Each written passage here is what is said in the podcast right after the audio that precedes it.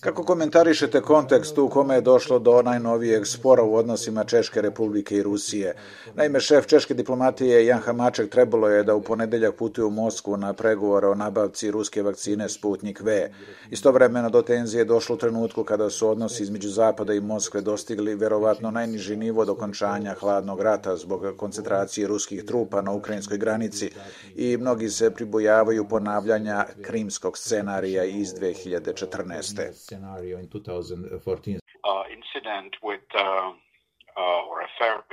Incident u koji su umešani ruski obaveštajci u eksploziji skladišta municije u mesto Vrbetice ima domaću i međunarodnu dimenziju i one su međusobno povezane.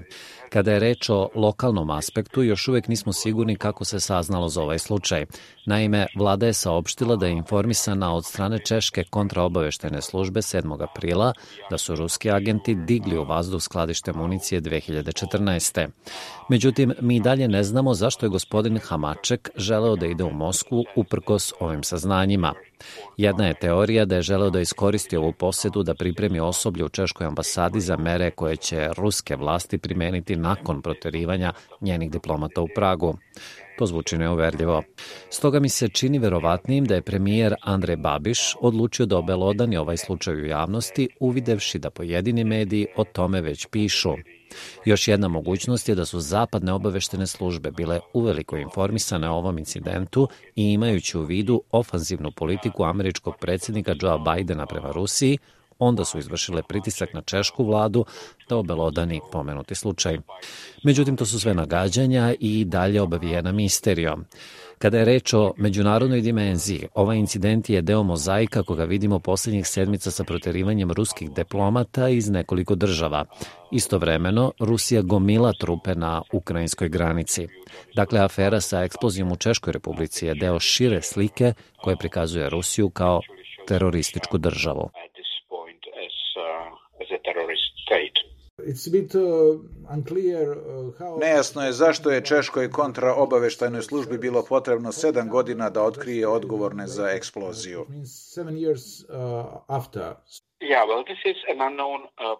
To je nepoznati deo ovog slučaja i pomalo je misteriozno. Ne znamo da li je kontraobaveštajna služba već neko vreme istraživala pomenuti incident.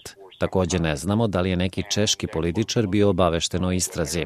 Veoma je čudno da je češki predsednik Miloš Zeman, koji slovi kao proruski orijentisani političar, u nekoliko navrata poslednjih godina nastojao da sabotira rad kontraobaveštene službe i smeni njenog šefa Mihala Kudelka.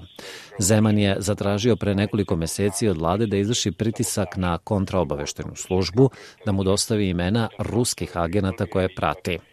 Dakle, moguće je da je neki visoko pozicionirani češki političar poput Zemana znao za istragu i pokušao da je obustavi. Nadajmo se da ćemo znati više detalja kada se i ako objavi izveštaj Češke kontraobaveštene službe o ovom slučaju. Uh, came by the information about uh, Russian involvement.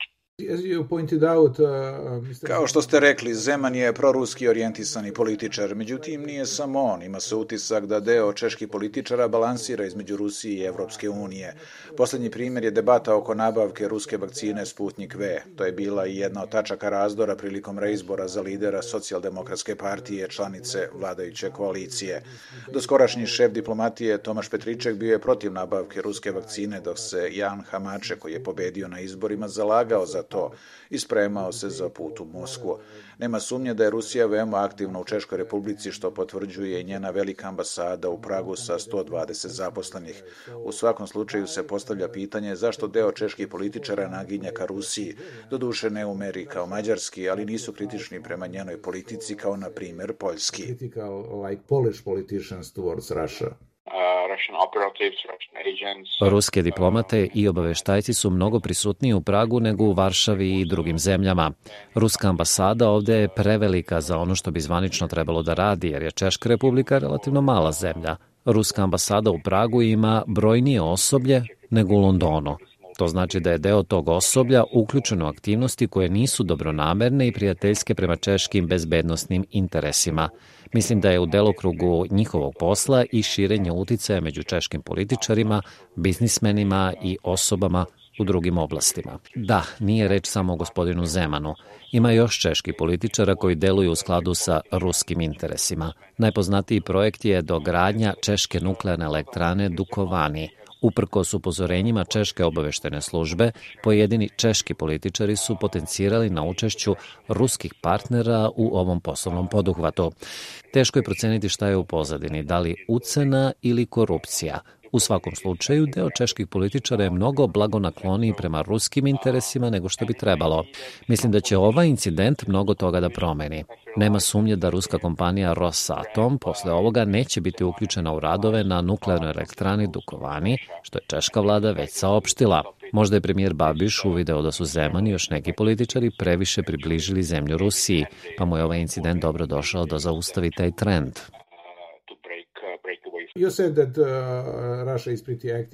Rekli ste da je Rusija veoma aktivna u Češkoj republici sa ambasadom većom nego u Londonu.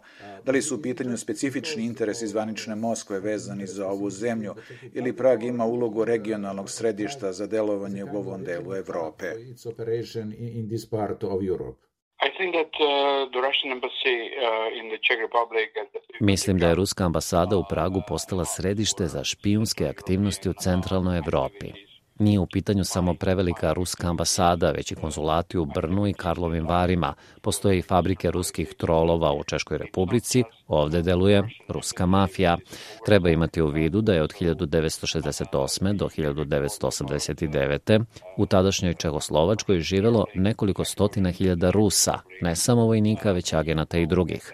Dakle, sadašnja situacija u izvesnoj meri nasliće ruske okupacije iz prošlosti. Mislim da je zvanična Moskva odlučila nakon 1989. da je Prag pogodno mesto za špijunske i druge aktivnosti od regionalnog značaja. Oni dobro poznaju Prag, poseduju nekretnine. Dosta Rusa povezanih sa bivšim komunističkim režimom uselilo se ovde nakon 1989. Oko 40.000 njih živi u Pragu i navodno se bavi biznisom.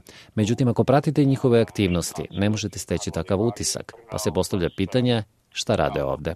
Sve ukupno, to je veoma rasprostranjena mreža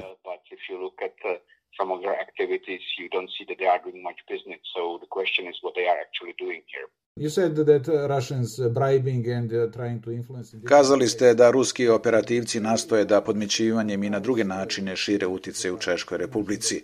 U kojoj meri to nailazi na plodno tle ovde? Pomenuli ste predsednika Zemana, zatim premijer Babiš je u početku umanjivao razmere ovog incidenta. Da li se radi o potkupljivanju i ideološkom naginjenju pojedinih čeških političara ka Moskvi ili nekoj vrsti geopolitičke kalkulacije jer je deo češkog društva evroskeptičan? Because we know that uh, certain part of Czech society are not so much enthusiastic about the EU? I think it's uh, uh, several things at the same time. Uh, Može se govoriti o nekoliko faktora koji deluju istovremeno. Rusija u velikoj meri utiče preko novca. Zeman je okružen ljudima koji imaju poslovne interese u Rusiji. Njegov savetnik Martin Nejedli radio je nekoliko godina u Rusiji. Istovremeno, ne treba zanemariti ni informacije koje posjeduju ruske službe o pojedinim češkim političarima, a koje mogu da im nanesu veliku štetu. Mnogi od njih imaju mrlju u karijeri jer su u vreme socijalističkog režima sarađivali sa obaveštenim službama. KGB zna za to. Stoga ne znamo na koji način sve pojedini češki političari mogu da budu ucenjeni. Tako premijera Babiša već godinama prati afera da je bio saradnik tajne čekoslovačke službe STB tokom 80-ih. Ako je to tačno, onda za to zna i KGB. Mi sve to ne znamo i to neće biti tajna tek kada se otvore arhive obaveštenih službi. U svakom slučaju, čini mi se da se ponašanje pojedinih političara ne može objasniti samo eventualnim dobijanjem novca ili geopolitičkim interesima koji se razlikuju od ostatka društva, već je moguće i da su ucenjeni. Uh, uh, could be extorted.